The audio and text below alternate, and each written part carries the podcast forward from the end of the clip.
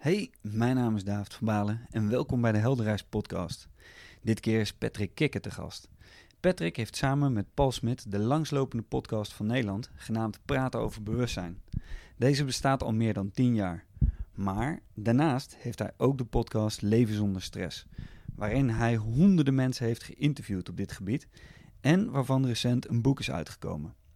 Naast dat ik vind dat Patrick zelf een fluweel zachte interviewstijl heeft en ik dit heel graag van hem zou willen leren, is hij dus ook echt een expert op het gebied van stress en burn-out. Dit gesprek met Patrick is het eerste deel van een tweeluik dat ik heb gemaakt over burn-out en burn-out awareness. Patrick, onwijs bedankt voor het mooie gesprek. En lieve luisteraar, heel veel plezier.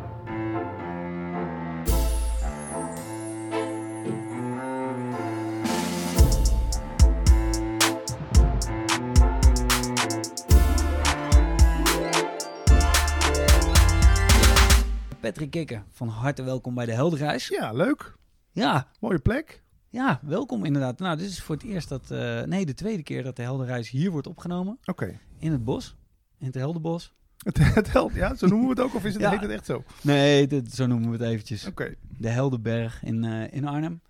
Ehm, nou, laat ik maar meteen eh, van wal steken. Ten eerste, super fijn dat je hier kan zijn. Eens gelijks. Leuk dat je me zo hartelijk hebt ontvangen. Met gevulde koeken en, eh, en lekkere koffie. En lekker, het is warm hier, lekker. Ja, niet te warm? Nee, prima. Perfect. Hij is goed zo. Ja. Oké, anders gooien we even een raampje open. Ehm, Patrick, ik wil het graag even met je hebben over onderwijs. Ja. En eh, alles wat er eh, daarna ter sprake komt natuurlijk. Vertel eens even, wat zijn jouw ervaringen met, eh, met onderwijs? Gewoon vanuit zelf. Ja, mijn, schoolcarrière, dat is de, de- de- misschien moeten we daar ooit nog eens de filmrechten van verkopen. dat is zoiets geks. En het heeft me ook wel heel erg gevormd tot wie ik nu ben. Ja, dat is logisch natuurlijk ook. Kijk, mijn probleem was, en ik zeg ook echt, ik zie het ook, nou ja, als probleem, maar in ieder geval, laat ik het zo zeggen. Het heeft mij geen goed gedaan dat ik altijd de beste van de klas was op de lagere school. Ik was altijd, ik had altijd tienen, weet je wel, als dat proefwerk was. Oh, Patrick zal wel weer een tien hebben. Dus ik leerde al vrij snel van, nou, hier hoef ik niks voor te doen en ik haal een 10. Dus school, dat is iets twee vingers in de neus. En als je thuis komt, ga je lekker met je computer spelen of, of, of de straat op. Ja. En ja, dat hou je natuurlijk een tijdje vol, tot 3 VWO. En toen eh kakte het helemaal in bij mij, want toen moest ik ineens wel huiswerk gaan maken. Want nu haalde ik het niet meer met twee vingers in de neus. En ja, vanaf daar werd het ook eh, chaos. Vier, ik ben eh, naar een 4 HAVO gegaan, daar ben ik nog een keer blijven zitten. Toen naar een MEAO, ik weet niet of je dat nog kent. Ja, ja. En ja, dus dat had ik het geluk dat ik die radio al een beetje ontdekt had. Dus ja, je zit hier eigenlijk met iemand die nergens een diploma eh, voor gehaald heeft. Ondanks dat hij dus een heel veelbelovende leerling was op de lagere school. Beste van de klas. En ja, wat ik daar ook geleerd heb en wat me nooit zo goed gedaan heeft op de lagere school is... eh, als je dus ergens de beste in bent, dan houden mensen van je. Hè, want dan krijg je uitjes over je bol en oma zegt... Oh, kom, ik haal een gebakje voor je. Je hebt zo'n goed rapport, hè. Terwijl, ja, je kreeg eigenlijk beloning voor iets waar je, wat je misschien blijkbaar van, je had een goed stel hersens en je, je liep wat voor of je dacht anders, dus je haalde het gewoon. Hadden ze hem in die tijd misschien één of twee klassen hoger gezet en hem een beetje uitgedaagd, dan ja, had je kans dat ik, dat ik misschien wel toch een wat betere schoolcarrière had gehad. Dus ja, dat is eigenlijk in een notendop mijn, mijn ervaring als kind dan met school. Ja. Ja. En als je daar dan op terugkijkt en ehm, stel ik zou aan je vragen om daar een label aan te hangen.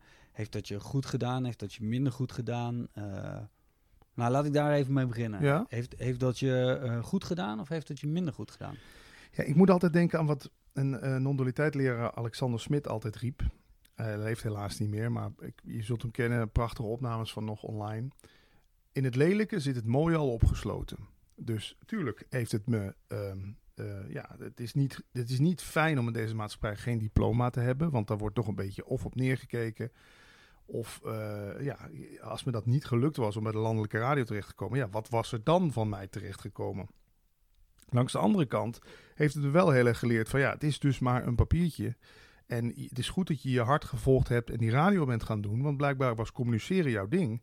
Was het ook al op school, weet je. Als, iedereen, als we hoorden dat we een spreekbeurt hadden, iedereen, oh nee, een spreekbeurt. En ik echt, yes, spreekbeurt. Ja, Ja. lekker, lekker praten en voor, voor de klas staan. Dus Ja. ik, eh, eh, om maar te zeggen van het, het, het, ehm, ja, het, het heeft beide kanten in zich. Ik, ik, ik ben wel ook een soort autoriteitsconflict aan school overgehouden, merk ik. Met bazen en mij. Niet zo goed? Nee, want kijk, autoriteit is iets wat, je, wat ik jou verleen, vind ik eigenlijk. Hè? Ik bedoel, stel jij werkt bij de politie, dan verleen ik jou de autoriteit van, nou, jij werkt bij de politie, jij hebt iets te zeggen over mij.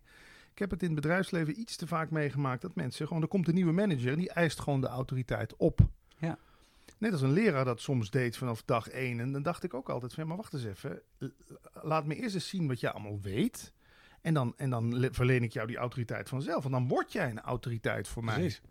Maar dat, dat, ja, ik heb dat toch iets te vaak meegemaakt. Dat, maar waarom moet ik dat dan doen? Nee, dat doe je omdat ik dat zeg. Of eh, luister nou maar naar papa, heb ik letterlijk eens een keer van een baas gehoord.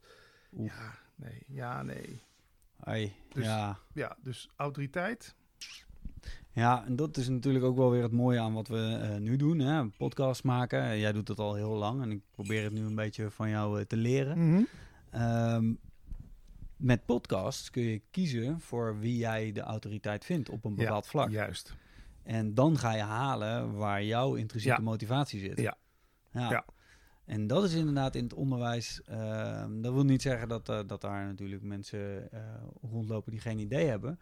Maar er automatisch van uitgaan dat jij eh, de baas bent of wat dan ook. Ja. Dat werkt niet meer in deze tijd. Nee. En daar, daar had ik toen ook al moeite mee. En dan ging ik ook die autoriteit proberen te ontmijnen, eh, ondermijnen. Ik was ook wel die etterbak in de klas. Hè, je hebt zelf voor de klas gestaan. Die, eh, nou, ik, ik- ik heb daar eigenlijk heel veel aan overgehouden. Bijvoorbeeld dat interviewen. Interviewen is ook een beetje elkaar aanvoelen natuurlijk. Hè? Het Ja. sfeertje proeven en kijken hoe ver je kan gaan. Dat heb ik eigenlijk, als ik nu zo bedenk, dat heb ik ook in mijn schoolcarrière overgehouden. Want ik voelde altijd heel erg aan in de klas wat de sfeer was. Ik was de gangmaker, dus als het even een rotsfeer was, dan schoot ik wel weer met een propje naar de leraar die dan kwaad omkeek en iedereen zo griffelen, weet je wel. Of ik, of ik moest keihard niezen of ik maakte een grap of ik werd er weer eens uitgestuurd.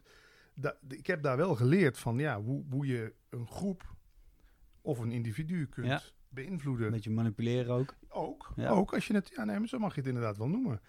Eh, eh, en, maar, en de sfeer eh, aanvoelen, proeven. Ja. Dus ja, op school leer je natuurlijk veel meer dan alleen de stof. Ook omgang met mensen en zo. Klopt. Maar ook wel de aandacht krijgen. Ik ben, ik ben daar niet vies van. Dat is natuurlijk logisch, anders kom je ook niet in de media terecht. Maar ja, dat heeft ook weer twee kanten natuurlijk. Want die aandacht, ja, die kan je ook niet 24 uur per dag krijgen. Nee, inderdaad. En de aandacht op school vond je fijn. Nou ja, ik vond het wel leuk als ik dan een grapje maak, de hele klas lacht. Je Ja. hebt dat soort publiek, hè. Ja, ja. Maar als je misschien nog eens met Guido Weijer spreekt of met een andere cabaretier, dan zul je... Ik denk dat heel veel cabaretiers of, of mensen die in de entertainment terecht zijn gekomen, dat al toen hadden. Ja, Graag voor de klas willen staan en, en het woord nemen. Ik was ook altijd degene, nu ik terughaal, die werd gevraagd om voor te lezen. Vond ik ook prachtig, weet je. Ja. Daar luisterde iedereen naar. Ik had toen eigenlijk al mijn eerste clubje luisteraars daar. ja. Ja, begon al snel. ja. Ja. Dus dat, dat vind ik er wel leuk aan, dat sociale aspect van school. Ja, precies. En eh, dat, je noemde het net al even, het aanvoelen van een sfeer Ja. of van een groep. eh, dat is jou ook wel op het lijf geschreven, hè? Ik, ja, eh, ook door schade en schande. Ik ben zelf opgegroeid met een vader die graag dronk. Ik moest bij mijn vader altijd aftasten. Hoe, hoe staat de pet vandaag? Kan ik hem nu die vraag stellen? Eh, Oeh, ik kan hem nu maar beter met rust laten, want hij kijkt zo uit zijn ogen.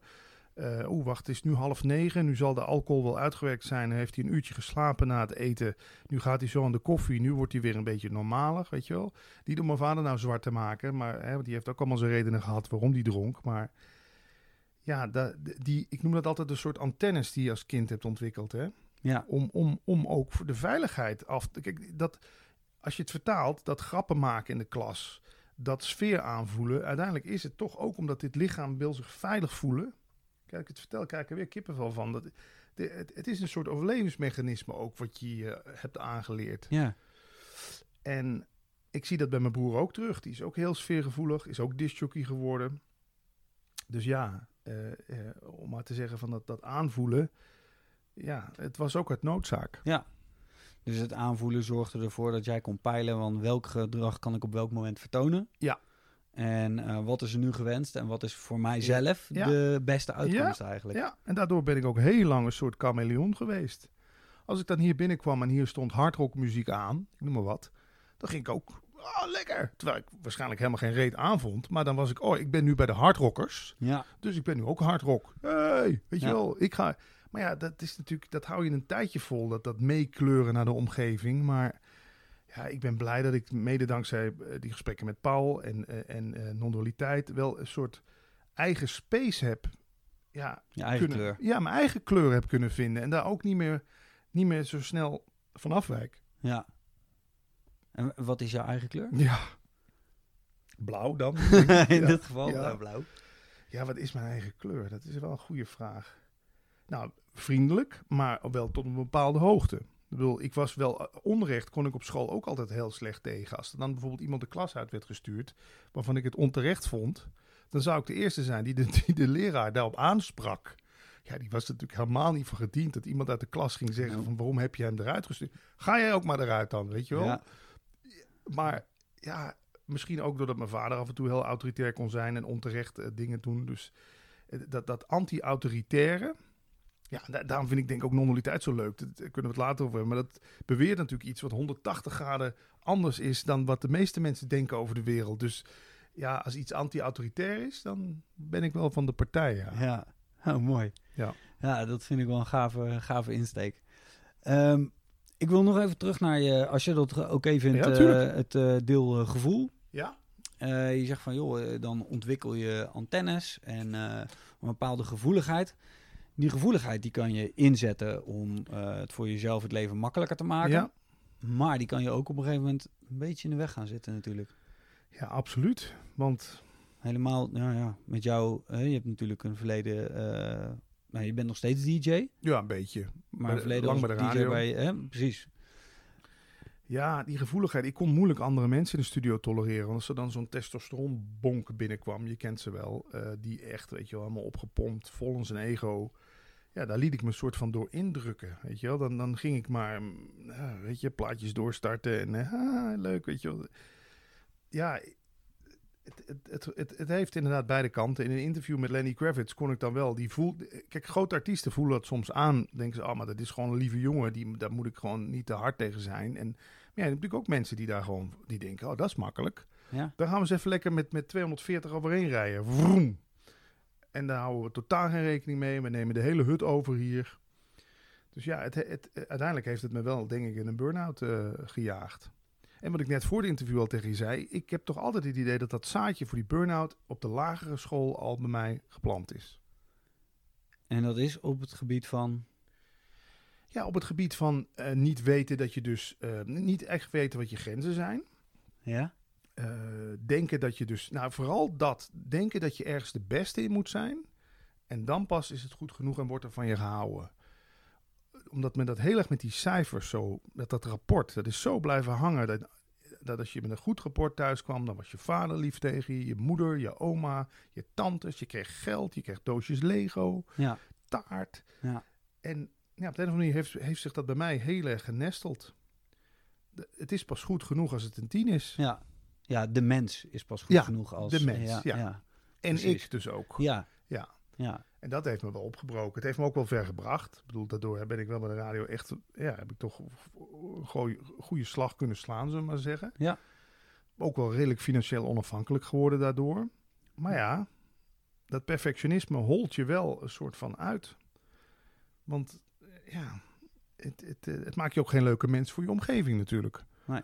Want ik, daar kon ik ook niet goed met collega's samenwerken. Want dan wilde ik, wilde ik dat de uitzending vandaag een 10 werd. Terwijl ja, er zijn ook mensen die denken, ja, maar een 8 of een 9 is toch ook goed genoeg? Ja, kom op hè. Ja, als ik niet, je, je- je loopt de kantjes er vanaf. Ja, maar ik doe toch mijn werk. Ja, maar we gaan voor de 10. En, en uitte zich dat dan eh, in een directe verbale agressie? Of werd dat een beetje passief? Dat je vanuit jezelf Ja, een beetje van binnen het vuurtje aan het opstoken was? dat. En ik ben van de lange, ik ben, nou was, hoop ik, van de lange e-mails. Ken je dat? ja. dat je dan gewoon s'avonds zit, zo, en nu ga ik het eens, ga ik het eens helemaal Daar komt hij. Ja, maar ook ik wilde zo graag begrepen worden. Weet je, dat is ook altijd zo'n zo'n ding bij mij. Daar kunnen we het misschien ook nog wel over hebben. Want ik heb later ook wat mensen geïnterviewd voor Leven zonder Stress, de podcast over eh, beelddenken en hoogbegaafdheid. Ik wil mezelf absoluut niet als een hoogbegaafde typeren, maar ik ben wel anders denkend. En ik heb wel altijd moeite gehad met langzamer denkende mensen, daar kon ik dat, dat klikte niet. Dus daar heeft zich ook heel veel frustratie. En dan wilde ik zo graag dat mensen me begrepen. Ja, maar jij bent nu bij A, maar ik zit al bij Z. Ik zit al hierover na te denken. Maar jij den- denkt nog na over A. Dus dat, ik voel me door jou geremd. En dan voelde die ander zich weer door mij opgefokt. En eh, dus ging ik maar zulke e-mails typen. Om dat helemaal tot achter de komma. Nu begrijpen ze me. Maar ja, Ja, alle letters verklaard. ja, maar iemand leest die mail natuurlijk hoe die, ook een beetje vanuit zijn eigen bril. En, en dan kwam je diegene de dag daarna weer tegen op je werk. En dan dacht je, oh god, die heb ik gisteravond zo'n mail gestuurd. Wat moet hij wel niet denken, weet je wel? Ja, het is wel een worsteling geweest. Ja, inderdaad. En als je daar nu op terugkijkt, wat zou dan voor jou heel erg hebben geholpen in onderwijs? Laten we even starten bij Ja, het basisonderwijs. Nee, wat geholpen zou hebben is dat ik één of twee klassen hoger gezet was. Waar ik, dat ik dus het idee kreeg, oh fuck, ik moet wel even wat gaan doen. Anders haal ik geen voldoende. Weet je, dat ik dus niet met twee vingers in mijn neus maar eh, eh, alles, alles cadeau kreeg eigenlijk. Dat had me geholpen. Ehm, en toch, ik weet dat er in Finland, ja, jij komt wel eens aan die kant, dus Zweden, Finland. Ik geloof dat Finland is waar ze kinderen tot een jaartje of 16 ook geen cijfers geven, maar een Ja. soort beoordelingsgesprek. Ja. Die cijfers, man, ook in mijn radiocarrière, eh, zijn cijfers zijn daar heel belangrijk. Hè? De luistercijfers. Die komen één keer. Je krijgt dus één keer per maand krijg je je rapport. Niet als bij school twee of drie keer per jaar. Eén ja. keer per maand. Op een dinsdag Ja, komen de luistercijfers. Ja. En dan is er paniek in de hut als ze gezakt zijn. En dan is het feest in de hut als, als ze gestegen zijn. En het gaat om soms 0,1% omlaag of 0,1% omhoog. Dus ook daar werd ik weer geconfronteerd met fuck. Die draait het weer om die cijfers. Weet je, kijk toch liever naar de trend of kijk naar wat je hoort uit die radiospeakers. Van, vind je dat het goed klinkt? En dan kijken we eens in de drie maanden, een half jaar, kijken we of het wel een beetje omhoog beweegt of omlaag. Maar iedere maand weer tot achter de komma en dan ook nog helemaal uitgesplitst. Vrouwen 2049, mannen met één been, vrouwen die, vrouwen die met de fiets boodschappen gaan doen. Ja, zo wordt dat allemaal. Je kent het allemaal niet. En maar cijferneuken, Ja. cijferneuken. ja. Nee, ik had het heel prettig gevonden. als, als, dat, als dat gewoon, als het wat, als ik, want ik- daardoor ben ik natuurlijk ook het idee gaan krijgen dat ik iets speciaals was.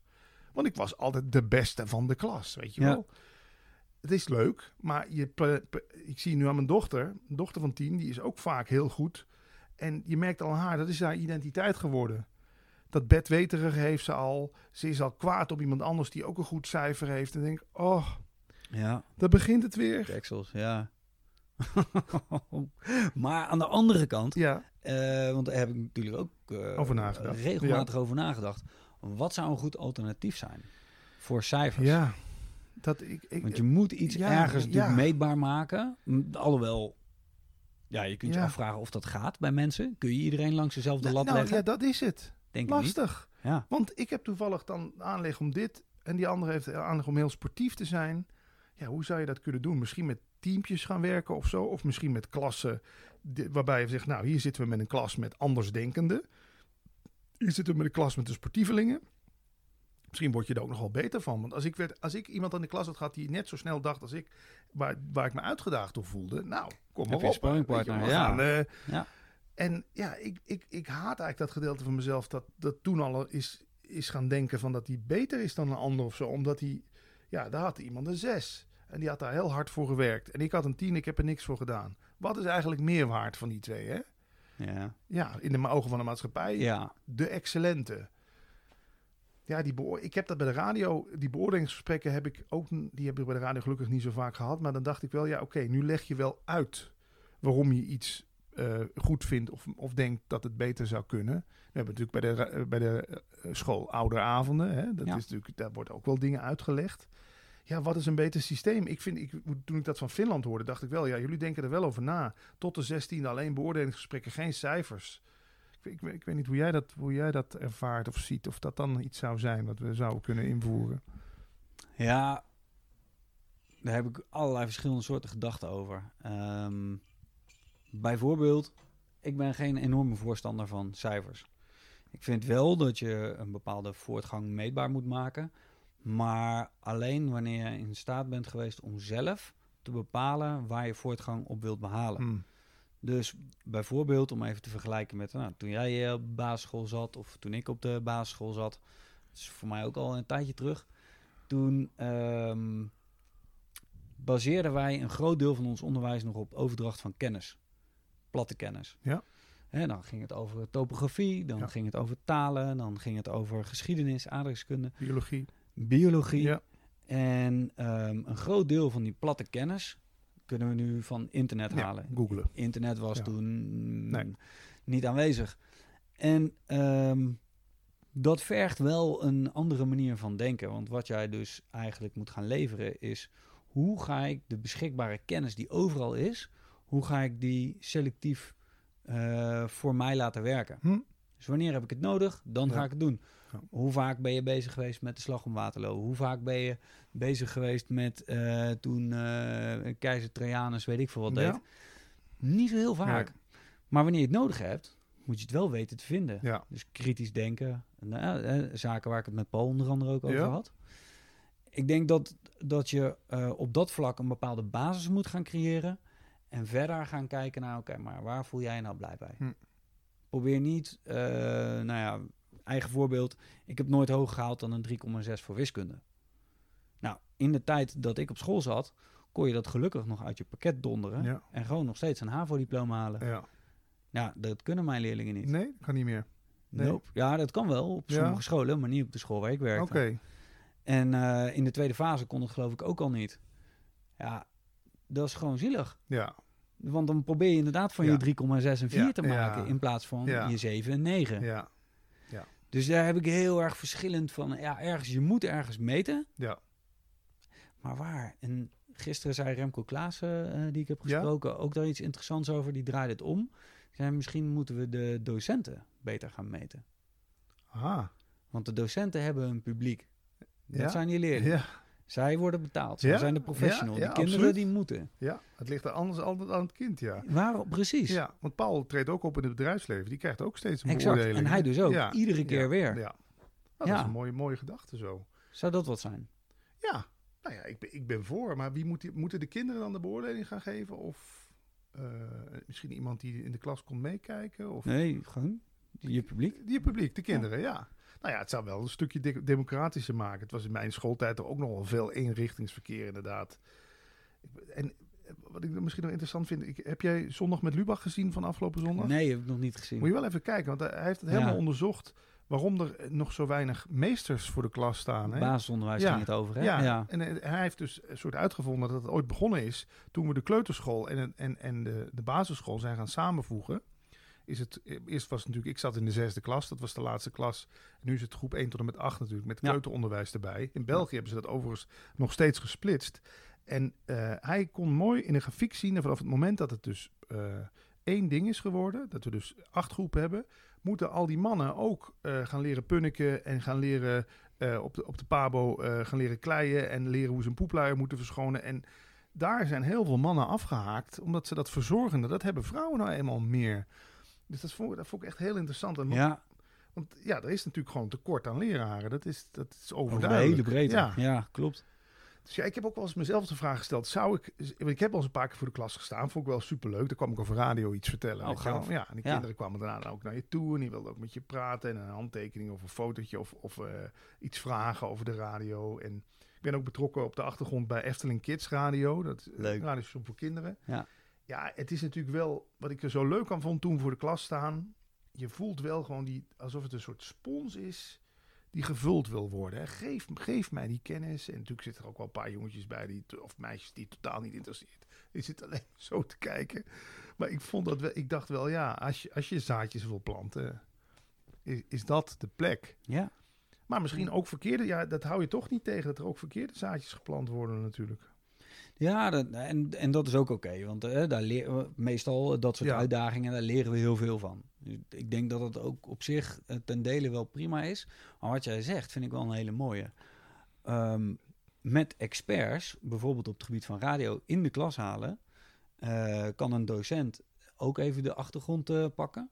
Eh, even mee in de interactie met de groep. Ja, En de expert even laten Ja. praten. En, en kinderen laven zich Ja. natuurlijk aan, eh, als jouw interesse daar ligt, ja. vinden ze te gek. Te gek, ja. Dat merkte ik toen echt. Ik dacht, wauw. Al is er, eh, zijn er één of twee die hierdoor zo gegrepen zijn en nu en denken, oh, dat ga ik ook uitproberen. Of dat, eh, ja, dat, ik vond dat een, vond dat een leuk experiment. Ja, Ja. ja. mooi. Eh, ik maak wel meteen even de sprong naar je middelbare school. Oké, ja. Oh god, ja, dit is goed. om- Ik vind het, weet je wat ik ook zo leuk vind aan dit soort gesprekken? Ja. Eigenlijk is dit ook heel therapeutisch voor me. Want ik heb door, door die podcast te doen en ook door zelf geïnterviewd te worden, zeker over dit onderwerp heb ik eigenlijk nog nooit zo gesproken. Ja, ja, haal dingen bij me omhoog. Ja, Ja, middelbare school, dat was voor mij een lastige tijd, want ik schaamde me heel erg. Ik begon pukkels te krijgen. En ik weet nog, eh, mijn broer is vier jaar ouder, die had eerst natuurlijk pukkels. En die zag ik iedere avond naar bed gaan als een soort Pipo de Clown. Met zijn hele gezicht vol gesmeerd met clerasiel. Ja, en je kent het allemaal nog. Ja. Ja. Dus ik leerde daar al, oké, als je een pukkel krijgt, dan ben je de Sjaak. ja. Ja, dat begon bij mij bij een jaartje of 13, 14. Als je, net als je zo 15, als je naar de middelbare school had, begon dat bij mij ook. Nou, nou, nou. Ik had van die grote Arabieren schalen, ik weet niet of je ze kent. Die kon je nog net Ja. onder je ogen zo. Die ik- Arafat. ja, die eh, Arafat, ja, ja. Al zo zat ik echt in de klas. Want oh wee, ik had een pukkel. Ik had natuurlijk enorm zitten duwen. Ja, dat is een tijd van schaamte geweest, de middelbare school. Want ehm, ook daar was ik wel vaak... eh, Als ik al een keer was blijven zitten, ben je sowieso de grootste van de klas. Maar ja, ik weet niet. Ik, ik, ik merkte wel dat ik daar... Ik, ik, ja, wat je, wat je zegt. Ik, ik voelde me daar niet altijd op mijn gemak. Nee. Was je groot op de middelbare school? Ja, ik was wel wat langer. Ehm, maar dus die pukkels, ja, dat begon. En ik kreeg een beugel, kan ik me nog herinneren. Ik had een bril natuurlijk. Ik ben niet gepest. Ik, heb, ik heb, ben wel iemand die zelf ook wel... Ik kan me herinneren dat er een, jongen met rood haar... die werd door iedereen gepest, ook door mij. Ik heb later trouwens nog een keer sorry voor gezegd... toen ik hem een keer op Facebook tegenkwam. Maar ja, wat hij daar gehad heeft, weet ik ook niet. Ja, die, ik, ik heb daar wel heel erg gezien... hoe klikjesvorming ehm, bij de groep horen of niet bij de groep horen... hoe belangrijk dat was...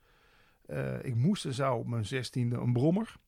Mijn broer had al een zwaar brommerongeluk gehad. Dus mijn vader en moeder zeiden, je krijgt geen brommer, want je bent nog onbesuisder dan Henry. Ik wil toch een brommer. Je krijgt geen brommer, ik wil toch een brommer. Nou, Patrick kreeg op zijn zestiende verjaardag een brommer. Vier maanden later lag Patrick ook in het ziekenhuis. Nee. Met, na een ongeluk, zijn hele been aan gort. Weet je wel, vier weken in het ziekenhuis gelegen. Dus om maar aan te geven, het, was, ik, het is niet de periode zeg maar, waar ik aan terugdenk. Dat ik denk van, goh, wat zijn er allemaal hele leuke dingen gebeurd. Nee. En, en waar was dat? Waar ben je In opgegroeid? de Limburg, in de, eh, op scholengemeenschap Groenewald in Stijn. In Stijn. Ja, Oké. Ja. Ja, veel brommers? ja nee, die was de man als je natuurlijk eh, een Honda MT had. Ik weet je die nog Ja, kent. ja, zeker. Ik kreeg een Yamaha DT, dat was Ja. het eigenlijk net niet, maar goed. De, maar ik was toen blijkbaar even vergeten dat auto's van rechts voorrang hadden. Dus op vrijdagmiddag tien voor half drie de school uit. Hing, hing. Nog een beetje indruk maken op meisjes die daar fietsten. En bam, daar vloog Patrick door de lucht. Ja. Dus, ja, dus dat... Maar goed, eh, om terug te brengen naar school, muziekles vond ik heel leuk. Ik vond de geschiedenis heel leuk, want daar kon ik gewoon in mijn fantasie een heel verhaal op pennen. Ik kreeg altijd wel een zeven, weet je wel. En ik merkte daar ook hoe die leraren, ja, ik weet niet, de- kijk, jij ziet er gewoon strak uit. Ik kan me onze wiskundeleraar nog herinneren, die was zo'n dikke vent, die stonk ook. Weet je, die liftpelde ook zo een beetje. Niet om daar mensen af te kraken, maar ik denk, ja, je staat hier inderdaad wel voor een klas. En wat hij ook deed, hij kreeg dat, hij kreeg dat niet. Ik, ik kan me vooral de mensen nog herinneren die de lessen gaven. Dat, dat waren toch, ja, daar kijk je toch een soort van tegenop, maar soms ook op neer. Ja, Ja, de typetjes. ja het waren echt typetjes. De leraar Frans, die kwam dan zo naast je staan en dan tijdens het proefwerk, dan keek hij zo over je schouder, deed hij gewoon zo met zijn vinger, wees hij naar iets wat fout was, weet je wel? Zo, Nou. ja. Ja, Ja, Ja. dat voelt een beetje denigrerend. ja, nee, een beetje zo uit de hoogte, ja, klopt. Ja. En eh, Duits had ik altijd een 1 voor. En ja, op een gegeven moment heb ik daar ook maar gewoon met mij neergelegd. Ik denk, ja, Duits, ja, ik, blijkbaar, ik spreek het wel, maar het schrijven vind ik ontzettend moeilijk. Aus, außerdem, nach von zu, weet ik het. Maar had je me toen filosofie gegeven, dat blijf, blijf ik wel zeggen. Had ik op de middelbare school filosofie gehad, man, man, man, wat had ik me daar aan kunnen, weet je wel, is filosoferen, nadenken, praten over het leven. Ja, we hadden maatschappijleer dan in die Ja. tijd, hè ja, klopt. daar kon je het een beetje in kwijt. Maar ja, dat heb ik wel gemist. Maar ja, ik, ik, ik- toch, ja, ik weet niet of dat het schuld van het, van het schoolsysteem was. Of dat het ook gewoon een beetje mijn eigen, ja, je worsteling met je hormonen, met meisjes, met pukkels, wat ik zei, weet je. je Die bent- is van alle tijd. ja, die is van alle tijden. Ja. Dat kan. Maar wat ik me wel. Kijk, als je me daar op die school, hè, als ik te veel lul moet zeggen, maar je, je raakt iets aan bij me. Ik heb altijd wel geroepen, had mij toch op school koken geleerd. Weet je, je had me naar de rest van mijn leven, had mij geleerd hoe ik een pan spaghetti maak met groenten erin, waarom dat eh, goed voor je is, dit niet goed voor je is. voedingsleer. Weet je wel? Ja. Had me dat gegeten, had ik, dan had ik hier niet met zo'n dikke pens gezeten. Want ik kan nu pas sinds, sinds een paar jaar een beetje fatsoenlijk koken. En dan ook alleen nog maar de basisdingen. Ja. Maar ja, ik, ik denk soms achteraf wel van... De school had mij iets meer levenslessen kunnen geven. Hoe om te gaan met meisjes, seksualiteit. Eh, moet je je schamen als je pukkels hebt? Eh, ehm, eh, wat, wat volgens mij nu wel meer gebeurt. Koken. Ehm, moet je, wat als het thuis slecht gaat? Zo, weet je, weet je, dat ja, sfeertje. Ja, ja. Daar had je mij, want ik had in die tijd had natuurlijk geen internet. Je had de biep. Ja. En ja, ik had een vriend die thuis ook door zijn vader in elkaar getimmerd werd. Ja, daar kon ik ook niet echt mee praten. Van ja, hoe ga jij dan om met die conflicten thuis? En dus ik, eh, als, als ik al een advies zou mogen geven aan leraren die luisteren of zo, of scholen, eh, zou daar niet gewoon een uurtje in de week voor ingeruimd kunnen worden? Wat, wat eh, sc- school of life, weet je? Ja. Levenslessen. Ja, levenskunst. Ja, mooi. Nou ja, dat, ik denk dat dat zeker eh, tot de mogelijkheden behoort natuurlijk. Of is, of is school daar niet voor? Nou, dat is, dat is de eeuwige discussie. Ehm, hoort dat eh, onder het pakket van school of hoort dat onder het pakket van ouders? ja. Zelf ben ik van de overtuiging dat als je het niet leert op school, hoe moeten die ouders het dan leren? Ja. Want als die ouders krijgen het niet van hun ouders en die hebben het niet op school Ja. gekregen, dus Ja. dan gebeurt het Ja. niet. Dat. Eh, gelukkig zit je nu met een generatie die, mits er interesse is, heel veel kunnen vinden over datgene wat zij willen weten. Ja. Dus dat is wel een, een dingetje. Maar ja, ik denk dat school daar echt wel een, eh, een mooie taak in heeft. En daarna, als de kinderen die nu op school zitten ouders worden, die ouders. Ja. Maar het moet ergens, ergens starten. Ehm, ecologie ging het gisteren over. Eh, met Remco Klaassen. Ja, over, over- oh, gewoon over, over ik. Oh, ecologie. Ik dacht Ecologie. ecologie. Ecologie. Ja, Eh, dat is een mooie. ecologie. Ja. Ja, over, nou, wie ben jij nou Ja, in, de, in ja. de wereld? Hè? Ja. Waar besta jij uit? En Ja. hoe ga jij om met emoties en met falen, Ja, et cetera? Ja, ja, ja. Ecologie. Ja. ja, fijn. Ja, ja, En, en waarom ook niet? Eh, maar hij is ermee bezig. ja. Eh, dus dat is mooi. Of leren voelen. Ik merk het mijn dochter ook nu. Die zit, die zit heel erg in de... Is tien. Ze, ze, ze, ja, die zit al heel erg in haar hoofd. Ik zat met haar zondag in een pretpark, Fantasialand. In de achtbaan. Een van de gaafste achtbanen die ze daar hebben. Ik zat helemaal zo... Wow! En ik hoorde haar naast mij gewoon redeneren wat de achtbaan aan het doen was. Oké, dus dan gaan we nu over de kop. Oké. Oh, die gaat toch sneller dan verwacht. Toen dacht ik echt, maar wat zit jij zelfs En dat In- te analyseren. in ja. de achtbaan nog Ja. niet te voelen, maar te analyseren. Ja. Wacht eens even. Ja. Wa- Moet er niet eens iemand bij jou op wat knoppen gaan drukken van... voel gewoon eens wat dit met je doet. Weet je, word je er bang van? Wo- Word je er enthousiast van? Vind je het eng? W- weet ik het, opgewonden? Ja, ik weet dat mijn, dat mijn gevoelens, dat, dat, dat, dat mijn hele puberteit... vooral omdat ik ouders had die gewoon... Ja, mijn moeder veegde alles onder het tapijt. En mijn vader dronk alles weg. Even plat gezegd. Lieve mensen, maar gevoelens... daar werd ook niet zo over gesproken. nee. Dus ook allemaal rationeel. Ja. Ook heel perfectionistisch, rationeel. Oh god, we hebben een fout gemaakt. Als de buren het maar niet zien. Weet je wel? Ja, had daar op school een geluid tegenover gestaan van... joh, het is, het is oké. Als, je, als je verdriet voelt, voel, voel het maar gewoon, weet je wel. Je hoeft het nu niet weg te gaan zitten redeneren... want dan haalt het leven je wel in dadelijk over vijf of tien jaar. En dan zit je ook eh, depressief of met een burn-out. Dus ik, ja, ik toch denk... Ja, en inderdaad, je kan dat zeggen van... maar ja, als dat thuis niet gebeurt... Gelukkig is zijn er dingen als jeugdzorg en zo... maar wel voor de extreme eh, gevallen. Maar ik zou er in ieder geval wel baat bij hebben gehad... als ik op school... En ik weet niet, je kinderen vinden het misschien niet stoer genoeg of zo om over hun gevoel te praten of zo, maar ik weet niet hoe jij dat, hoe Ja. jij dat doet in de klas. Nou, niet meer. Ehm, Nee, ben je mee gestopt, hè? Ja, klopt. Voor deze, eh, deze zomer Ja. eigenlijk. Deze zomervakantie.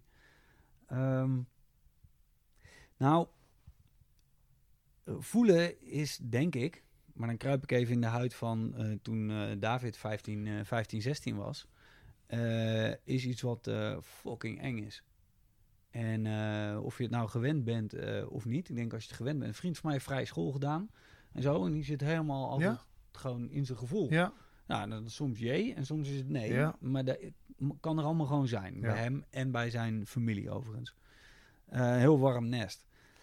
En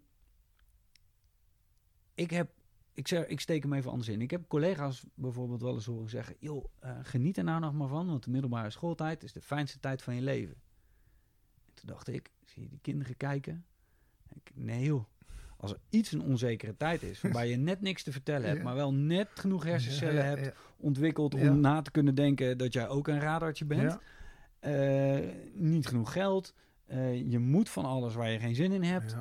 Dat is helemaal niet zo leuk. Nee, Het, je maakt het leuk met vrienden, met op school, vaak hè, in sociale dynamieken.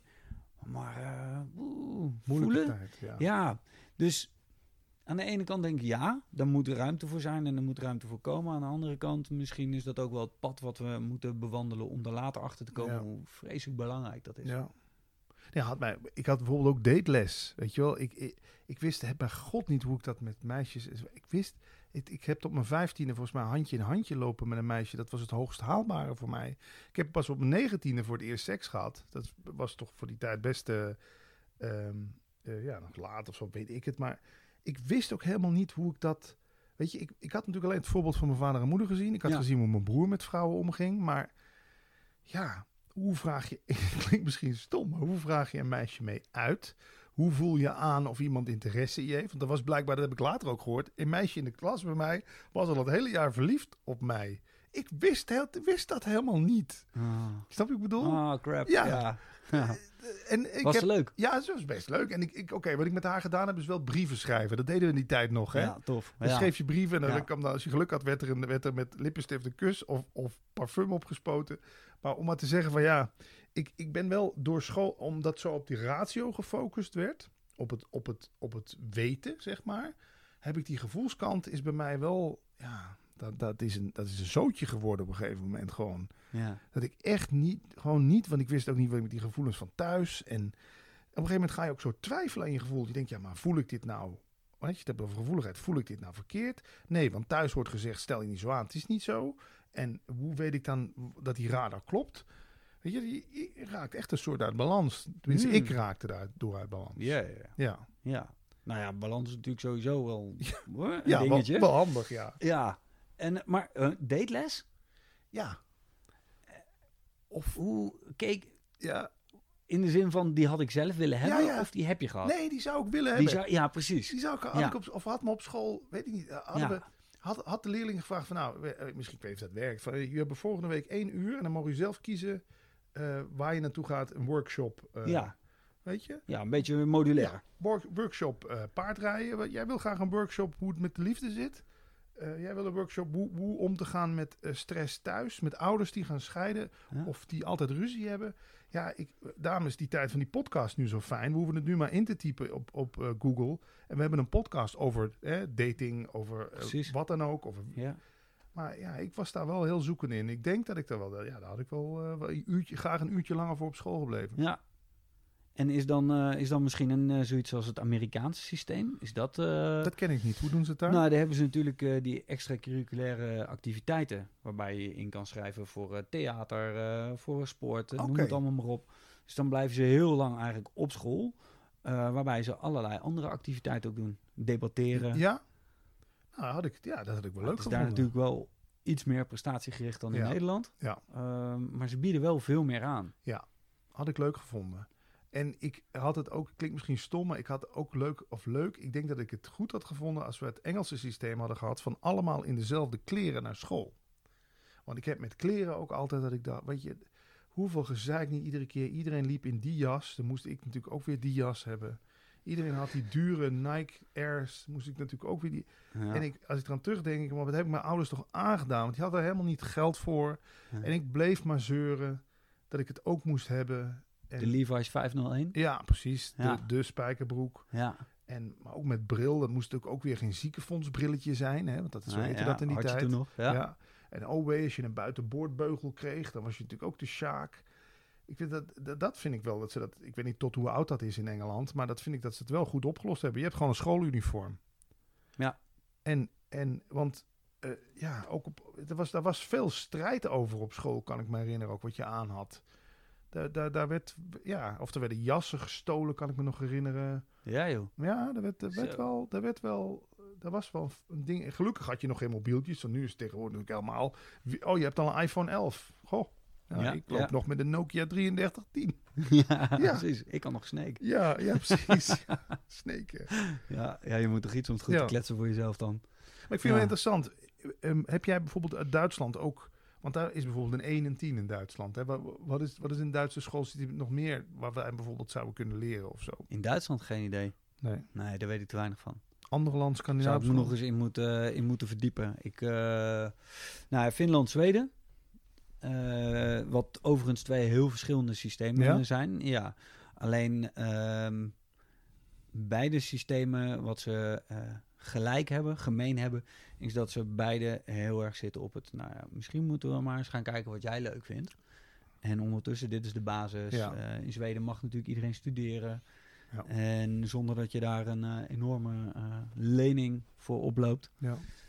Ja, dan krijg je meer de ruimte om te oriënteren, om je fouten tussen haakjes te maken, je ervaringen op te doen en te beslissen, ah shit, nee, toch niet. Ja. Ik ga dat doen. Dat past beter bij mij. Ja, want we- wat weet je nou? Ja. Nu nog steeds, hè? Ik bedoel, laat ik het voor, mezelf zeggen. Wat weet ik nou? Nee, nee, ja, maar daar kom je ook steeds meer achter. Ja, Maar dat vind ik ook een mooie levenshouding. Gewoon ontvankelijk blijven voor wat kan ik van jou leren. Want uiteindelijk leer je natuurlijk van alles en iedereen wat. ja, Dus ja, ik, maar ik was best faalangstig ook, herinner ik me nu. Dus bijvoorbeeld dingen als een proefwerkweek, dat was voor mij de hel, weet je wel. Eh, zeker op de middelbare school, ja, dat had je op de middelbare school.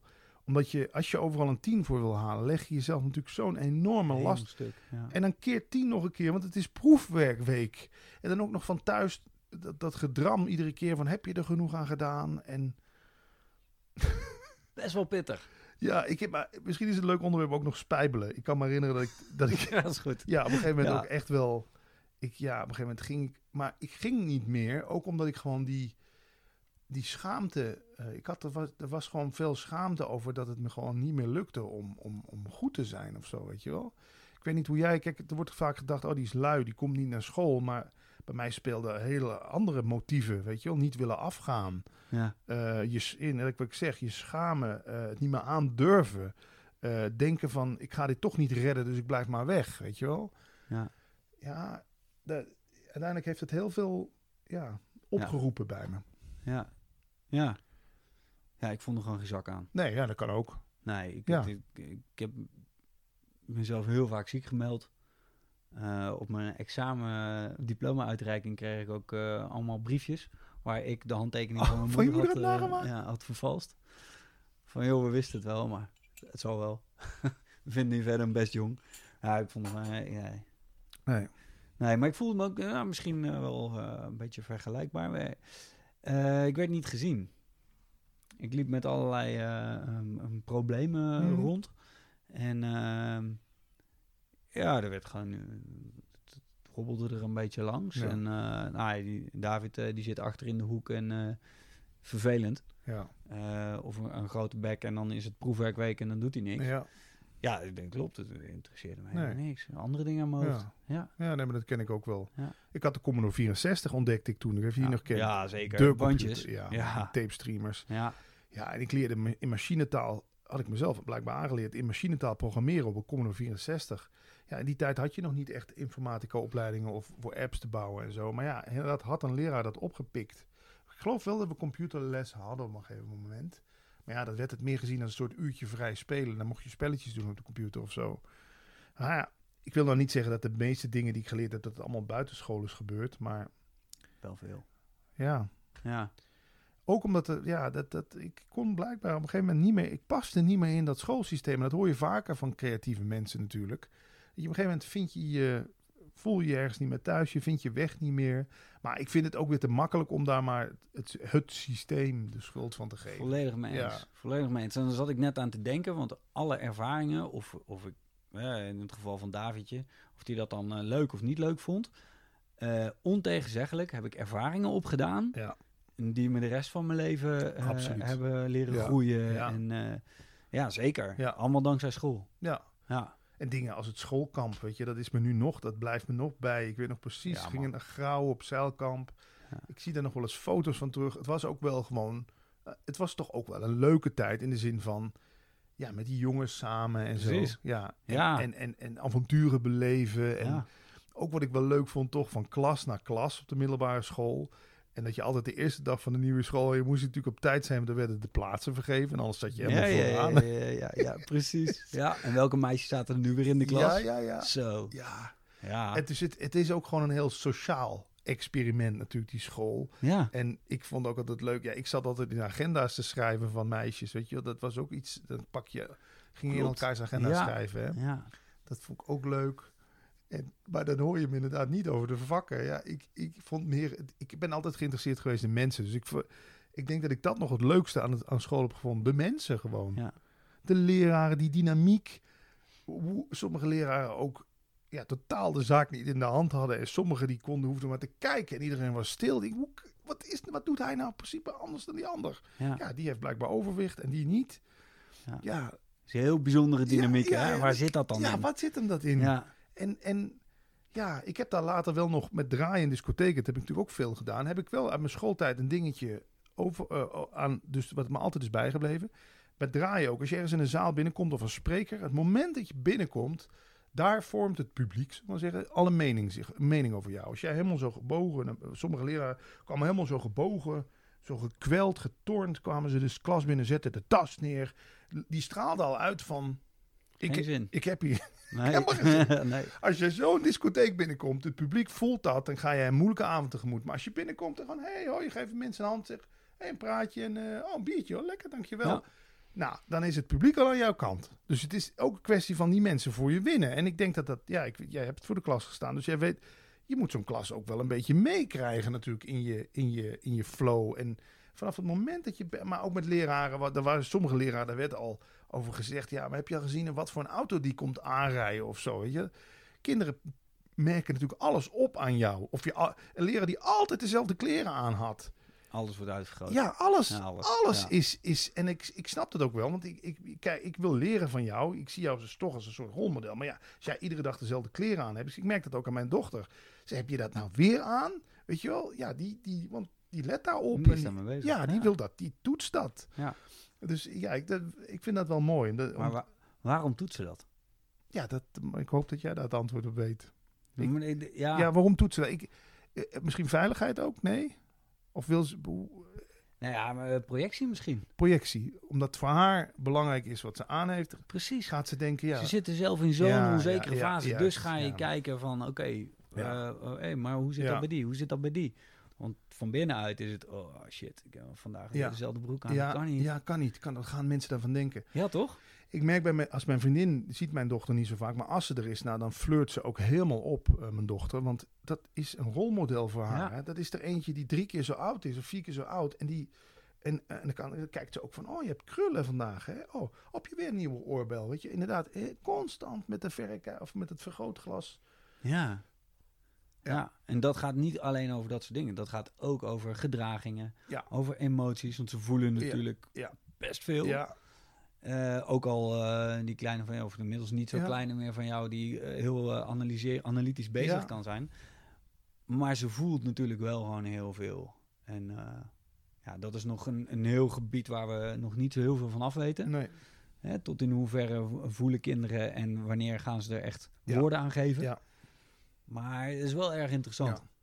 En dat thema veiligheid vind ik nog eens interessant Ja. om, om, om aan jou te vragen. Eh, ja, ik wil niet de rol omdraaien, maar ik merk bij haar, dus bij, dat, ik merk dat het in relaties al, maar ik merk dat met kinderen ook, dat ze af en toe een soort van bij je testen van, sta jij nog wel, sta jij nog wel voor, voor wie je bent of zo? En, en kan ik me bij jou eh, een soort van, ja, veilig voelen? Dat ik, ik, of projecteer ik dat alleen maar op haar? Ik, ik, omdat ik dat zelf als kind zo had, weet je wel? Ik heb natuurlijk een, zelf een vader gehad die af en toe een beetje labiel was. En denk achteraf, ja, waarom heb ik voor die man eigenlijk niet meer compassie gehad? Maar heb ik hem zelfs nog een beetje steeds lopen eh, pushen en lo- lopen uitdagen? En dan heb ik dat voor mezelf verklaard. Omdat ik een, graag een vader had gehad die gewoon een rots in de branding was. Waar ik gewoon op terug kon vallen. Ik wist, die staat voor mij. Dit is veilig. Ja. Hoe, ja, hoe werkt dat als kind? Do- Doen kinderen dat? Ja. Eh, verschillende ideeën over. Ja? Ik, ik heb daar niet één, eh, één conclusie. Eh een van de dingen kan natuurlijk zijn, ze zeggen vaak als ouders krijg je het kind waar jij het meest van kan leren. De lessen Mhm, die jij ja. het meest nodig hebt. Dus in dit geval, jouw vader had misschien wat prikjes nodig. Ja? Andersom, een stapje verder van jou naar je dochter, eh, misschien net zo. Ja. Ehm, maar ja, dan heb je natuurlijk ook het verhaal hechting. En Ja. eh, een kind wat eh, op een gegeven moment woorden kan geven aan datgene wat ze vindt, denkt en voelt. Ja, die gaat ook prikken en die gaat ook zich zaken afvragen van ja, hoe zit dit dan, hoe zit dat dan? Dus het hoeft niet per definitie projectie te zijn van jou, maar aan de andere kant, psychologie van de koude grond. David van Malen is geen expert op dat gebied. Nee. Nee. En dan laat ik de vraag anders stellen. Grenzen stellen. Ik hoor van mijn vriendin altijd, hè, die heeft in de jeugdzorg gewerkt. Ja. En die zegt ook, kinderen willen begrenzing. Dat voelt veilig voor ze. Je, je helpt een kind alleen maar om te zeggen, je hebt nu al een uur op de iPad gezeten. Inleveren dat ding. Eh, Ik merk, ik merk dat, dat als ik dat niet doe bij mijn dochter, dat ze een soort van verwend gedrag gaat vertonen. En, en de, ze wordt daar. Ik merk dat het er goed doet als ik haar begrens. Ja, tuurlijk. Ja, Ja. ja, dat voor mij, omdat ik zelf in een, in, een, in een gezin ben opgegroeid waar het ene moment niks mocht van mijn vader en het andere moment Ja, alles. het mijnenveld. Ja, Ja, dan weet je niet wat wel kan en wat niet kan. super onveilig. Ja, Dan ga je dus maar testen. En net, Ja. net, als, net als ik dat met leraren dus ook deed, nu leg ik dat verband eigenlijk pas. Kijk hoe ver je kan gaan, want dan weet ik in ieder geval waar de grens ligt. Ja. En dat merk ik met haar ook. Als ik dat niet doe, dan gaat ze de grens zelf eh, eh, opzoeken. Of gaat ze gewoon hele stomme dingen zeggen. En ze denkt, nou, hè, en nu word ik eindelijk eens een keer begrensd. Dank je wel. Ja. Nu weet ik wat het kader is voor vandaag. Ja. En bij de radio heb ik dat patroon eigenlijk zelf ook herhaald. Als ik nooit feedback kreeg van mijn baas, ging ik iedere dag op de radio een stapje verder. Ja. De enige dag zei ik het woord neger op de radio. Ik denk, nou, ben ik eens benieuwd of ik hem morgen aan de telefoon heb. Nog niet. Nou, dan ga ik morgen eens een keer een luisteraar gewoon uitvoeteren. Dan zou ik toch wel op mijn flikken krijgen. Weer niet. Nou, weet je wel? ja, ja. Ja, echt, gewoon echt de puber in jou. Ja, dat is, Ja. Nee, die puber, dat is, ja, die is wel, of die al uitgestorven is, weet ik niet. maar het, het, het grenzen is voor mij wel een ding. Ik zei namelijk altijd van, eh, nee, je moet mij niet begrenzen, want ik kan dat zelf wel. Maar langs de andere kant dacht ik ook, heeft een keer iemand tegen me gezegd, ja, maar in de beperking toont zich de ware kunstenaar. Dus ook met creativiteit heb jij grenzen nodig. Je moet vandaag van deze drie minuten iets moois maken. Gooi je talenten maar in, weet Ja, je wel? ja. En dan kon ik weer gaan zeuren, ja, waarom krijg ik maar drie minuten? Nee, drie minuten, dat is het kader. En daar, en, Ja, eh, het he- dat heeft mij toch geholpen. Ja. ja, dat denk ik ook wel. Ik denk wel dat op het moment dat je, het, dat je hem omdraait, dat je het niet zou begrenzen. Nou, stel hier, ik zou nu eh, eh, gaan zitten Playstation Ja, en eh, geen begrenzing. Ja. Nou, wat gebeurt er dan? Dan zorg ik niet meer goed voor mezelf. ja, Dan ga ik eten wat er heel makkelijk te eten valt. Bijvoorbeeld deze heerlijke gevulde koek. Eh, dan ga ik cola drinken en alleen maar water naar binnen Ja. zitten hijsen.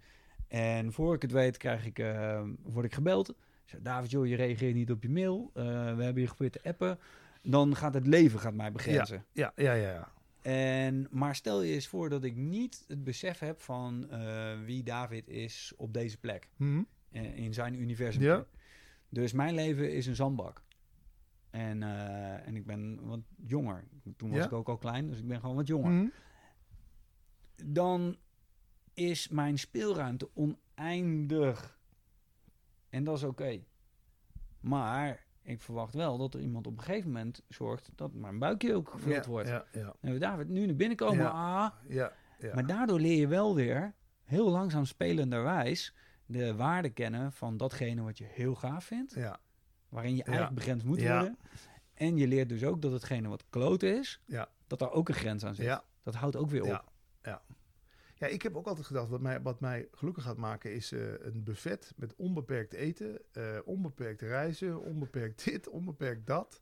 Maar dat onbeperkt is helemaal niet zo leuk. want Nee, Iedere dag patat word gaat je ook de keel uithangen. En het leuke aan deze podcast vind ik ook, je hebt een centraal thema. Weet je wel, had jij nou gezegd, ah, zeg maar waar je over wil praten. Ja, dan hadden we waarschijnlijk weer een uur over non-dualiteit zitten praten. Of over wie ik allemaal geïnterviewd heb. Jij boort nu bij mij ook door, een- door, door een duidelijk kader te stellen. Van we gaan het over onderwijs en school hebben. Boor jij bij mij weer andere dingen Ja. aan. ja, merk ik. Ja, Gaaf. Nee, maar ik vind dat ook fijn. Dus ik, eh, over dat grenzen, ja, dat, dat, misschien ook ja, in, in, eh, leraar die luisteren of ouders. Die, die wordt een kind wil, een kind moet begrensd worden. Nee, ik denk een kind wil begrensd, wil begrensd worden, want wil zich feit. Als hier nu de muren zouden wegvallen, zaten we hier ook gewoon op een open terrein. Ja, Ja, waar Ja. begint eigenlijk jouw domein en mijn domein? Ja, weet ik veel. ja, ja, volledig mee eens. Maar dat zeggen ze toch ook als het gaat over eh, eh, gezond en goed leiderschap. hè, vanuit een, een eh, managerspositie Mhm. of wat dan ook. geef kaders. Ja. Geef kaders, Ja. vraag resultaat en laat dan los. Ja, En bij kinderen eigenlijk net zo. ja. Want anders gaan we het zelf opzoeken. En dan is het inderdaad, dan komt die puber in jou weer omhoog. Nou, Oh, dan ga ik eens kijken hoe ver ik kan gaan. Ja, en die zit er echt nog wel. Ja, ja. Die, Ja, Ja. daar hoef je geen zorgen om te nee, maken. ja. Hey, dan gaan we even terug naar eh, eh, het zaadje voor mijn burn-out is geplant eh, op de basisschool. ja. Op een gegeven moment liep Patrick tegen een burn-out aan. 2011, ja.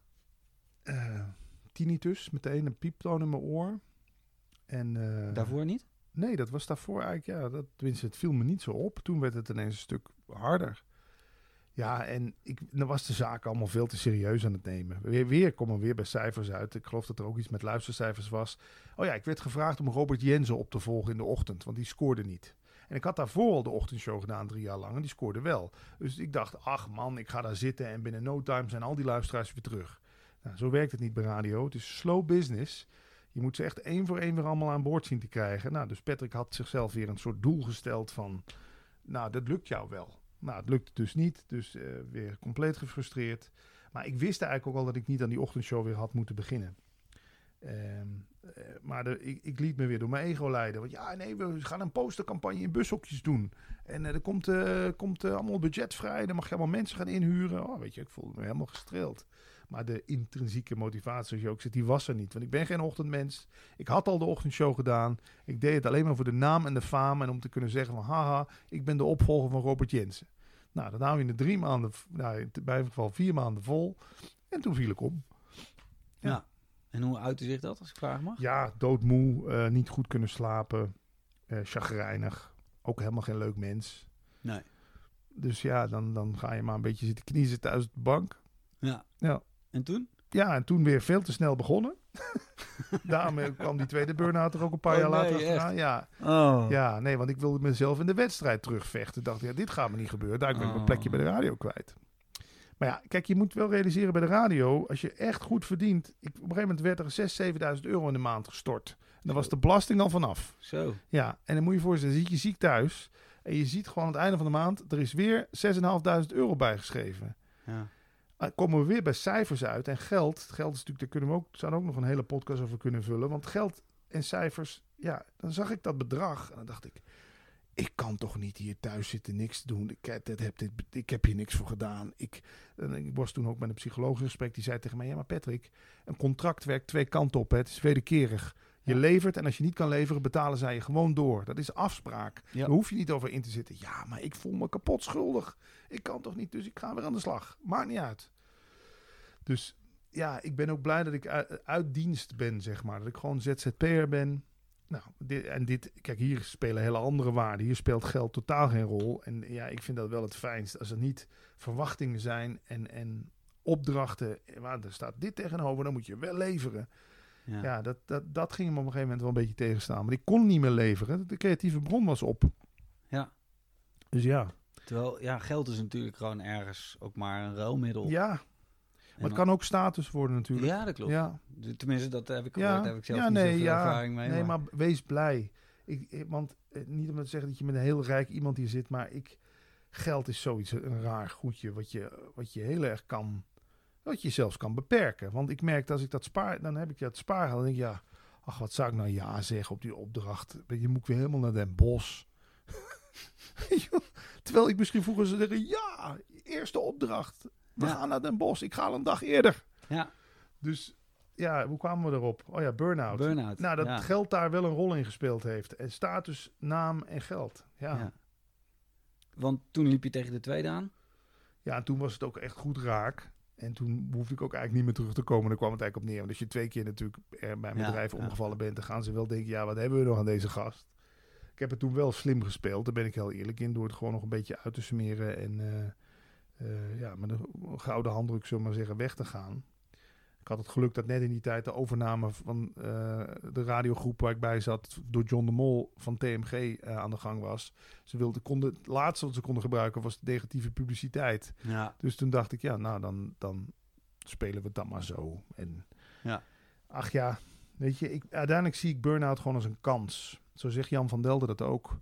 Het was een kans om mezelf opnieuw uit te vinden. Dus daar Ja. ben ik wel nog steeds dankbaar voor. En daar heb je allerlei lessen geleerd. Absoluut. Ja. Dat het, dat het voor je ego leven, dat dat echt niet de bedoeling is. Eh, Of althans, dat hou je misschien een tijdje vol, maar ja, het is de naam en de faam en, en denken dat je echt iemand bent en toch weer dat speciaal willen zijn, weet je wel. Mhm. Die dingen komen natuurlijk allemaal, die komen allemaal naar voren. En ja, Jim Carrey zei het ooit, ik gun iedereen om ooit wereldberoemd te zijn geweest of stinkend rijk, zodat ze weten dat het daar niet te vinden is wat we zoeken. Ja. Dus ja, dat, heb ik, dat advies heb ik dan maar opgevolgd. En nu maak ik dan alleen maar podcastjes. Maar dit is veel, hè, dat zeggen mensen. Sommige mensen kijken daar meewarig. Zeggen ze, oh, je maakt nu alleen maar podcastjes. Ja, maar ik heb er wel onwijs veel plezier in. En het bereikt mensen. En die hartverwarmende reacties die je krijgt. En je, het brengt je op plaatsen. Waarom, waarom we zijn anders ja, inderdaad. op een dinsdagmiddag hier op zo'n prachtige plek zijn gekomen. Ja. ja, mooi. Ja. Ja, dat zijn wel mooie wijsheden. Ehm, we hadden het in het voorgesprekje, hadden we het ook al eventjes over inderdaad. Nou, wat, wat heeft het jou gebracht? hè? Mhm. En is het... ehm, even kijken, wat wil ik... Oh ja. Sommige mensen hebben, mm, of misschien heel veel mensen, dat weet ik niet. Ik weet Mhm. geen aantallen, zeg maar wat. Maar die hebben misschien heel erg juist de weg van het ego, zoals je het noemt, Ja. eh, eh, nodig. En eh, vinden daar wel geluk in. Of is iedereen uiteindelijk volgens jou misschien wel een Jim Carrey weg geschoren? Met ja, evidente conclusies. Ik heb wel, ehm, ook van een aantal mensen die ik zelf hoog heb zitten, geleerd, zullen we maar zeggen, eh, dat tuurlijk, eh, je hebt eh vastu tantra en eh kartu tantra. Kartu tantra is, of is het nou vastu tantra, is geluk uit de wereld proberen te halen. Dus eh, Van buiten naar ja, binnen. naar buiten naar binnen. Ik Ja. ben gelukkig als mijn tuin dadelijk helemaal op orde is. En het werkt ook wel heel even. Maar goed, dan weet je, iedereen kent dat. Een dag later begint ja, maar we moeten toch binnen eens een keer gaan schilderen. En dan komt het volgende weer om de hoek zeilen. Dus het is maar heel kortstondig dat geluk. Ja. En ik was op zoek naar een blijvend geluk. En ik heb dat ook overal in gezocht. In geld, in seks, in ja, drank dan niet gelukkig. Drugs ook niet, omdat ik heel verslavingsgevoelig ben. Maar spullen kopen, ben een tijdje koopverslaafd geweest. Eh alles maar inderdaad van buiten naar binnen jezelf opvullen. Maar dat was een bodeloze put waar alles maar gewoon doorheen viel. Dus dacht ik, ja, dat moet toch... De, ik had toch ergens een weet van een soort blijvend geluk. Uit mijn kindertijd. Want toen kon ik ook gewoon zielsgelukkig zijn zonder reden. Ik denk, dat moet te vinden zijn. Ja, en dan kom je, kom je mensen tegen in de, in de non-dualiteitscircus. Maar even zo zeggen. Die, die zeggen, ja, geluk is wat je meebrengt naar het feestje. Het, het gaat om, om, om, om het zijn. Het gelukkig zijn. Je kunt niet gelukkig worden. Je kunt alleen gelukkig zijn. En dan komen de omstandigheden daar als een soort deken overheen. Of een soort sausje. En dan kleuren die omstandigheden zich ook Hmm. naar dat geluk wat jij zelf meebrengt naar het feestje. En toen dacht ik, ja, gaan we dat maar eens proberen dan. Ja, en dat bleek ja, in mijn geval wel te werken. Bevalt goed. Ja, dat bevalt goed. Ja. Maar ik zeg niet dat ik niet nog steeds gevoelig ben voor. eh, want als er dan inderdaad ineens iemand tegen me zegt. Ah, jij zou dit eens. Want je, zoals jij reist veel. Ik heb nog nooit echt heel veel gereisd. Als ik echt zou denken, daar is het nog te vinden. Dan zou ik ook. Weet je wel, weer uitvliegen. Ja, en- zo. Nou ja, dan zou het toch prima daarnaast kunnen bestaan. Dat je zegt, nou, ik vind reizen leuk. Ja, Maar Dan, daar ja. waar ik ben, ben ik prima. Precies. Hè? Zit ik op mijn plek. ja. Ja. Ja, vooral die ene zin die in non-dualiteit altijd gebezigd wordt, heeft me zo eh, gelukkig gemaakt. Hè, we denken dat we in een kamer verschijnen, maar in non-dualiteit wordt beweerd, de kamer verschijnt in jou. Ja. Dus of je nou, hè, David en Patrick zijn nog nooit ergens naartoe gereisd, alles verscheen in hun. Ja, en ik vind, ik vind dat zo'n mooie zienswijze. Dan kun je nog genieten van de nieuwe dia die in jou verschijnt. Hè. Dan is er ineens, in jouw geval, Scandinavië of Lapland. Prachtig. Dan is er hier de postbank in Arnhem, die helemaal in bloei staat. Fantastisch. Maar als je maar weet, jij bent eigenlijk al een soort veilig thuis op de achtergrond. Jij zit dit gewoon te aanschouwen wat er voorbij komt. En dan hoef je er ook niet per se iets mee. Foto's te maken en hebben, hebben. Ja, Ik- vasthouden. Ja, vasthouden, Ja. claimen. Nee, jij, jij komt nu voorbij. Oh, ik geniet van jou. Maar oh, nu ben je weg en nu geniet ik van dit. Ja. En ja, dat vind ik gewoon een hele fijne uitgangspositie. Ja, mooi. Ja, ja. Eh ben ik helemaal met je eens. Ja, ik zie het wel. Ehm, en toch. Eh, en toch, eh, ja, e- exact. En toch eh, zitten we hier als twee mannen met Ja. ervaring op het gebied van falen. Ja. En we hebben drie backup apparaten Nee, klopt. liggen. En dat is natuurlijk wel, ja, maar goed, dat is ook weer de menselijke kant. Die moet er ook gewoon kunnen zijn, toch? ik, ik heb ook een tijdje zo gedacht, je moet ikloos leven of zo. Ja, Hè? Maar dat, kijk, die, ontken je toch een deel ja, van nou jezelf. oké, een deel van jezelf. Er is gewoon iets in jou wat het, wat het graag goed wil doen. Er is iets in jou wat erkenning wil. Er is iets in jou wat er verzorgd uit wil zien. En dan kan je wel gaan denken, ja, maar net als die Indiaanse goeroes die gewoon op de grond gingen liggen en die lieten zich door allerlei insecten aanvreten. Dan, is het, dan zit je aan de andere kant van het spectrum. Dan wil je ineens ikloos zijn en denk je, ik ben toch niet het lichaam, alles verschijnt in mij. Nee, hoor, wacht eens even. Het is Ja. en en. Ja, Dus ik heb ook steeds minder. Er zijn inderdaad spirituele mensen die heel erg neerkijken op al die zelfverbeteringsgoeroes, op hypes, op. eh, maar je leef je beste leven, weet je dat? ja, Maar ik ben daarop teruggekomen. Ik denk, het kan, het kan heel goed en en zijn. ja. Je kan en een ik zijn en niet.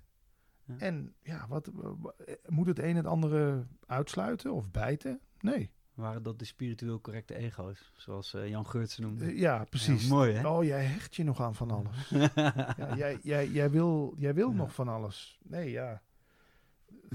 Het, ja, het Zou speelt. Ja, nee, het zou kunnen. Het speelt. Als je maar wel weet dat er gewoon al een soort basisgeluk in jou huist. Kijk, ik vind, wij hoeven nu niet. Ja, we kunnen gelukkig worden omdat dit een leuk gesprek was. En als de daar niet op staat, is de vraag: worden we daar significant ongelukkiger van? Of denken we dan inderdaad van, nou, oké, dan was het gewoon een mooi gesprek. En dan eh, doen we het nog een keer over. Ja, vind ik een hele mooie. Ja, Ja, ik heb nog wel een mooie vraag voor je, Patrick. Ja. En die ehm, ehm, slaat heel erg op de titel van deze podcast, De Heldenreis. Mhm. Eh, jouw eigen heldenreis heb ik voor een deel nu net eh, mogen, mogen meebeleven Ja? in woorden. Mooi omschreven, dankjewel. oké. Ehm helden, jouw persoonlijke helden. heb jij die nog? Ja, ik heb ze wel lang gehad. Heb ik die nu nog? Mm, ja, vooral de mensen die, die het totaal anders doen. Hans Theeuwen is wel een held. Ja. Die schopt natuurlijk ook overal tegenaan. En dan zie je hem weer gek doen op dat internet. Ehm, ja, ik zou graag zeggen mijn vader. Maar ja, dat, kijk, als kind wil je natuurlijk dat je vader een soort Superman-held is. Kijk, uiteindelijk is het wel degene die mede ervoor verantwoordelijk is dat je, dat je hier zit. Dus ik zou hem dan toch ook wel in die kat, ondanks dat hij dan misschien op papier niet zoveel gepresteerd heeft, zou ik hem toch ook in die categorie willen scharen. En ja, Paul Smit toch ook. Want die, die, daar heb ik tien jaar mee gepodcast. En, en nu nog af en toe. En ja, met hem, kijk, hij, dat waren voor mij ook een soort therapeutische gesprekken die ik met hem had. Want Paul is wel iemand, daar kun je alles tegen zeggen. Je hebt hem ook gesproken. En een hele lieve jongen. En ook een hele gevoelige, kwetsbare jongen. Maar ook iemand die gewoon goed stel hersens heeft. Dus. Maar voor mij zijn, eigenlijk- ben jij nu ook een held. Voor iedereen die, ik- die ik spreek in dit soort setting, settings, settingen, is dat, ja, dat, dat warmt mijn hart. Ja, Dus ja, de, de helden zijn voor mij de mensen die zich open durven te stellen. Die niet een één versie van zichzelf zitten te verkopen. nou ja, precies. Ja, Ja, ah, mooi. Ja, dan komen we toch weer een beetje in de richting van een chameleon. is wel waar. Maar ja, ik- ik, kijk, ik ben nu, denk ik, iets. Als ik daar hier wegga, ben ik iets veranderd door jou, denk ik. Want je hebt dingen bij me aangeraakt die al heel, veel me- die al heel lang weggestopt zaten over school en weet ik wel. Ik denk dat ik als een iets ander mens daar hier weer in de auto stap. En misschien heb, heb ik jou ook beïnvloed. Dus dan Zeker. neem jij dit weer mee straks in een gesprek met, met je vriendin. Of, en dat vind ik wel leuk aan dit systeem hier. Ja, Dat we constant elkaar on, onbewust beïnvloeden. En het kan best zijn dat ik nu bij jou zie, ja, kaal hoofd, dat staat je goed. Nou, zoals je weet heb, ziet, heb ik ook niet veel haar. Dat ik morgen denk, weet je wat, fuck it. het gaat er bij mij ook af. Ja, En dan heb jij dat mij dan als opdracht gegeven? Nee. Heb je mij dat, dat verteld? Nee. Ik heb dat blijkbaar gezien. Het slaat zich op. En alleen speelt zich dat bij mij ook af. En daarom vind ik dit, ja, vind ik dit zo leuk. gaaf. Ja, Ja, leuk dat is hè? heel mooi. Eh, dan wil ik hem graag eh, met een laatste vraag afsluiten, Oké. Patrick. Jouw ehm, tip voor alle, eh, nou ja, inmiddels ex-collega's, maar het voelt gewoon als collega's eh, in het onderwijs. Mannen, vrouwen, alle mensen die Ja. gewoon met hart iedere dag eh, voor die groep kinderen staan. De bruistabletten, zoals Remco Klaas. Oh, mooi gezegd. Ja, Ja, durf toch kwetsbaar te zijn. Durf, durf ook eens af en toe te zeggen dat je het misschien niet weet. Of dat je het. eh, dat je, ik kan me zo voorstellen dat je voor de klas komt. Eh, Ik weet niet of het mag überhaupt volgens. Want je moet, of je moet natuurlijk ook aan allerlei regels voldoen. Maar jongens, even duidelijk. Ik heb vannacht bijna niet geslapen. Eh, ruzie met mijn vrouw gehad. Eh, er is ingebroken. Dus hou er even rekening mee. Vandaag heb je kans dat je maar dit hoeft te doen. Ja. En ik word boos op je. Maar dan weet je het in ieder geval. Zo doe ik dat bijvoorbeeld met mijn dochter ook. Ik leg haar uit dat ik soms zeg, joh, ik, zeg, ik ben vandaag wel gewoon even, ik zit niet zo lekker in mijn vel. Dan weet je het vast. Ik zeg niet om te dreigen of wat dan ook. Maar dan, als ik af en toe een beetje bot reageer, dan weet je dat het daardoor komt en dat het niet jouw schuld is. Precies dat. Ja, Mooi. en misschien is dat in een klas ook te doen. Dat je gewoon, want. Ja, als je je zo kwetsbaar opstelt. Ik denk dat iedereen, want ieder kind kent ook dat gevoel dat, dat hij zich niet zo lekker in zijn vel voelt. En misschien tegen vriendjes ook wat lulliger doet en zo. Eh, ga daar gewoon eens echt mens staan. Niet, niet puur en als, alleen als leraar. Natuurlijk is dat je functie, maar ik heb dat met radio ook geleerd. Mensen reageren op mensen. Niet op merken of op, op eh, mensen status of op, op rollen. Weet je wel? En hoe fijn is het ook in, de- in de supermarkt als je even contact hebt met die cashier. Dan ben ik niet de rol als klant, jij en als cashier. Oké, dat, dat, dat is duidelijk hier in deze setting. Maar wij zijn gewoon twee mensen die even contact hebben met elkaar Ja. of zo. En dan merk ik ook vaak als dat gebeurt, dan, dan, dan maakt het ook helemaal niet uit of je nog vijf minuten moet wachten omdat het kassarol op is. Of weet je, Nee, ja, precies. Ja. Ja. maar als je in die rol blijft van ik ben de klant, ik wil geholpen worden. En, jij, en zij blijft in de rol van ik ben de cashier en ik kan ik ook niks aan doen. Ja, dan krijg je dit. Dus ja, als dat in de klas ook zou kunnen, graag. Behoud de connectie. Ja, dat. Kruip niet in die... Ik, snap dat het ook soms wel lastig is. Al die prikkels in zo'n klas. Ik geef je dit doen, man. Dat geschreeuw en dat...